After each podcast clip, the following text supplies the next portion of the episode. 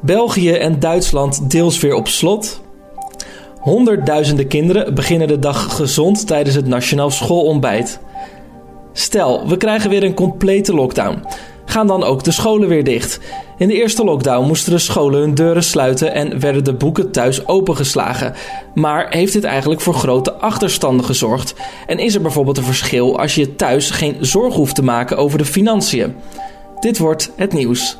De kinderen daarvan hebben het eigenlijk uh, heel redelijk gedaan, komen ongeveer normaal uit. En de ouders met minder onderwijs, dus die, die zelf minder onderwijs hebben genoten, hun kinderen komen een stuk lager uit. Dus de problemen zitten in, in die groep. En dat is nou net een groep waarvan we weten dat die minder snel ophalen. Dat was Martijn Meter. Hij is hoogleraar onderwijswetenschappen aan de Vrije Universiteit van Amsterdam. En hij heeft samen met een team onderzoek gedaan naar de impact van de schoolsluiting op het onderwijs. Maar voordat we hierover met hem verder gaan praten, eerst kort het belangrijkste nieuws van nu. Mijn naam is Dominique Schep en het is vandaag maandag 2 november. Bij metrostation De Akkers in Spijkenisse is afgelopen nacht een metro door een stopblok geschoten.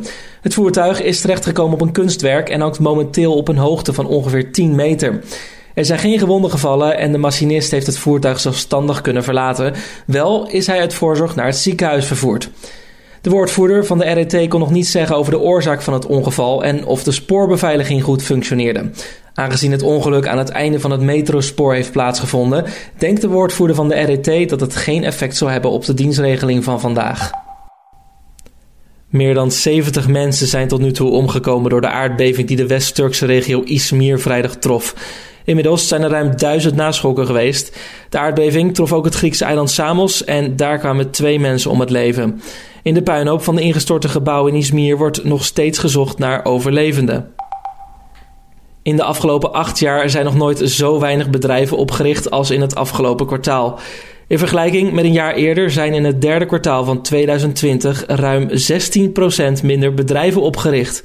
Dat blijkt uit cijfers van het Centraal Bureau voor de Statistiek. Vooral in de horeca werden een stuk minder nieuwe ondernemingen gestart. In deze branche nam het aantal nieuwe oprichtingen ten opzichte van vorig jaar af met ruim 35 Door de coronacrisis zagen wel veel ondernemers kansen op het internet. Zo was er een stijging van bijna 50% te zien in het aantal nieuw gestarte webwinkels. De Filipijnen zijn zondag getroffen door de zwaarste storm van het jaar tot nu toe. Vanwege tyfoon Goni zijn meer dan 390.000 mensen geëvacueerd en 300 woningen vernietigd. 10 mensen kwamen tot dusver om het leven en drie anderen worden nog vermist. De honderdduizenden evacuees zijn ondergebracht in lokale opvangcentra, maar gevreesd wordt dat er niet genoeg ruimte is in de noodcentra om voldoende afstand te houden voor het coronavirus. De storm raasde zondag met veel geweld en neerslag over het zuiden van Luzon, het hoofdeiland van de Filipijnen waar ook hoofdstad Manila ligt. En dan het nieuws van de dag: schoolsluitingen. Er wordt met veel terughoudendheid gesproken over het eventueel sluiten van scholen, mocht er weer een complete lockdown komen. Op het hoger onderwijs en de universiteiten is onderwijs op afstand al de standaard, maar dat is niet zo voor het primair en het voortgezet onderwijs. Echter hebben ook zij er in de eerste golf wel aan moeten geloven en moesten al die leerlingen thuiswerken. Heeft dat voor veel achterstanden gezorgd of valt dat nog mee? Collega Carne van der Brink vroeg dat aan Martijn Meter, hoogleraar onderwijswetenschappen aan de Vrije Universiteit van Amsterdam. We weten gewoon, die achterstanden zijn er. Dus we uh, hebben inmiddels de eerste studies van primair onderwijs. Dus uh, we hebben het zelf gedaan en andere groepen hebben dat gedaan. Um, en we hebben een beetje data van uh, het voortgezet onderwijs. En we hebben flink wat data van de universiteiten en hogescholen. Nou, dan zie je dat bij het, het, de basisonderwijs, dat daar nou, kinderen best een achterstand hebben opgelopen. Dus uh, de eerste resultaten zijn iets als dat ze gemiddeld een zesde van het jaar niet hebben gehad. Nou, dat zijn de, de weken van de, van de lockdown. Dus het is net alsof ze die weken van de lockdown helemaal geen onderwijs hebben gehad. Alsof het vakantie was. Zo ziet de gemiddelde onderwijsachterstand eruit. Uh, het verraste mij ook. Ik had verwacht dat, het, dat dat wat beter zou zijn. Uh, maar dat is waarschijnlijk, ja, je had de eerste weken van lockdown en daarna had je weken waarin de scholen weer op, op gang moesten komen. En eerst waren er nog een paar weken dat de helft van de kinderen mochten komen. Dus dat, dat heeft waarschijnlijk ook bijgedragen aan, um, achterstand. Maar is zo'n achterstandsperiode dan lastig in te halen of kan dat op den duur wel? Ja, dat, dat kan wel. Dat is, je ziet bijvoorbeeld in Amerika, daar hebben ze elk jaar een, uh, een zomervakantie van drie maanden. Dat is dus ongeveer, dat is langer dan onze lockdown. En wat je dan ziet is dat de, de uh, leerlingen aan het eind van die enorme zomervakantie gewoon heel veel vergeten zijn. En je ziet ze dat in het jaar weer ophalen. Het enige waar we ons zorgen over moeten maken is dat niet alle kinderen evenveel vergeten tijdens de zomer in Amerika en het ook niet allemaal ophalen. Dus je ziet afhankelijk van je, van, van je familie um, gaat dat, uh, is, die, is die zomersluiting uh, heel slecht versus maar een beetje slecht. En dan gaat dat inhalen snel versus langzaam. En dat zien we nu ook in de lockdown. Dus um, als we de, de, een andere groep had data waarin je kon opsplitsen naar um, kinderen die het normaal goed doen versus uh, wat minder goed op school.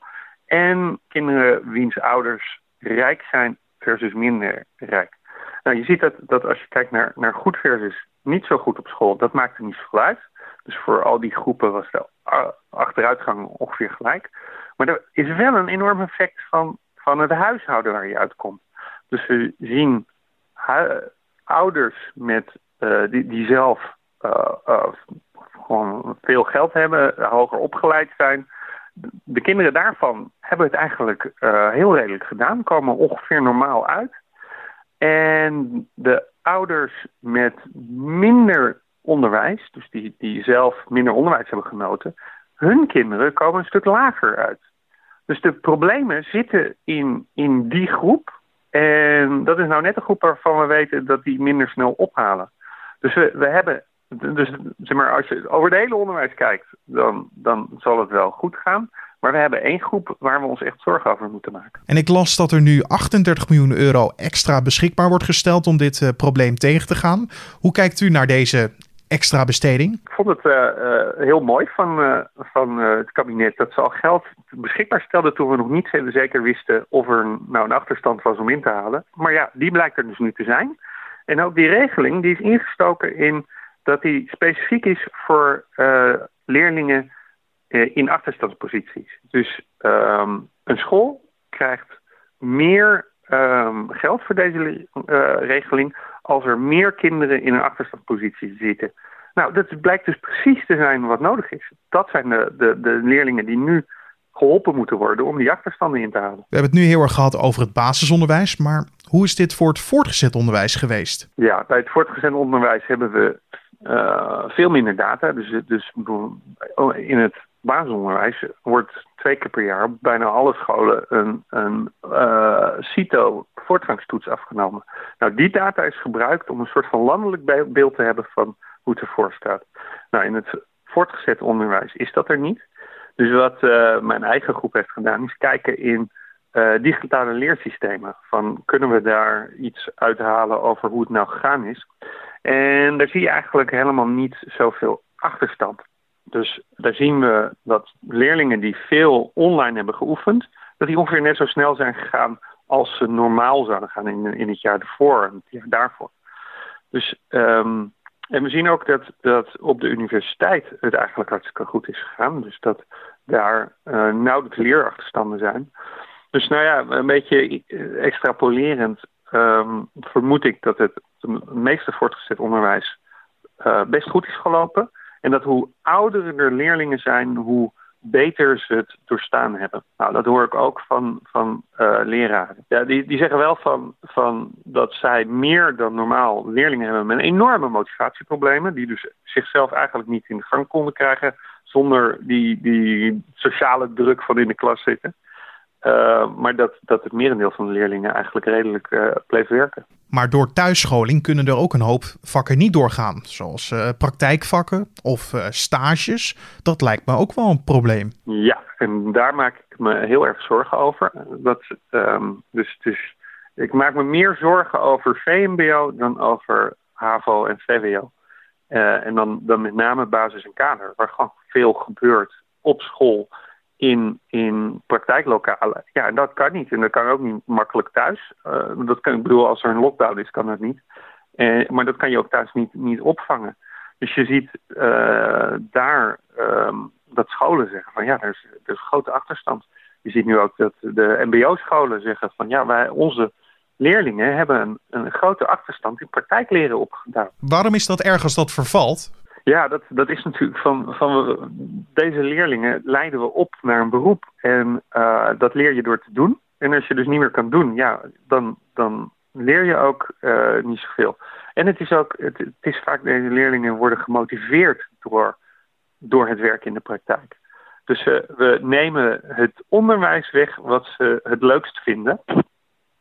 Um, en wat blijft staan zijn de theoretische vakken waar een aantal leerlingen in het VMBO en MBO gewoon minder trek in heeft. En je kan natuurlijk niet alles leren uit een boek. Daar zijn juist de praktijkvakken voor in de stages om dat in de praktijk te leren.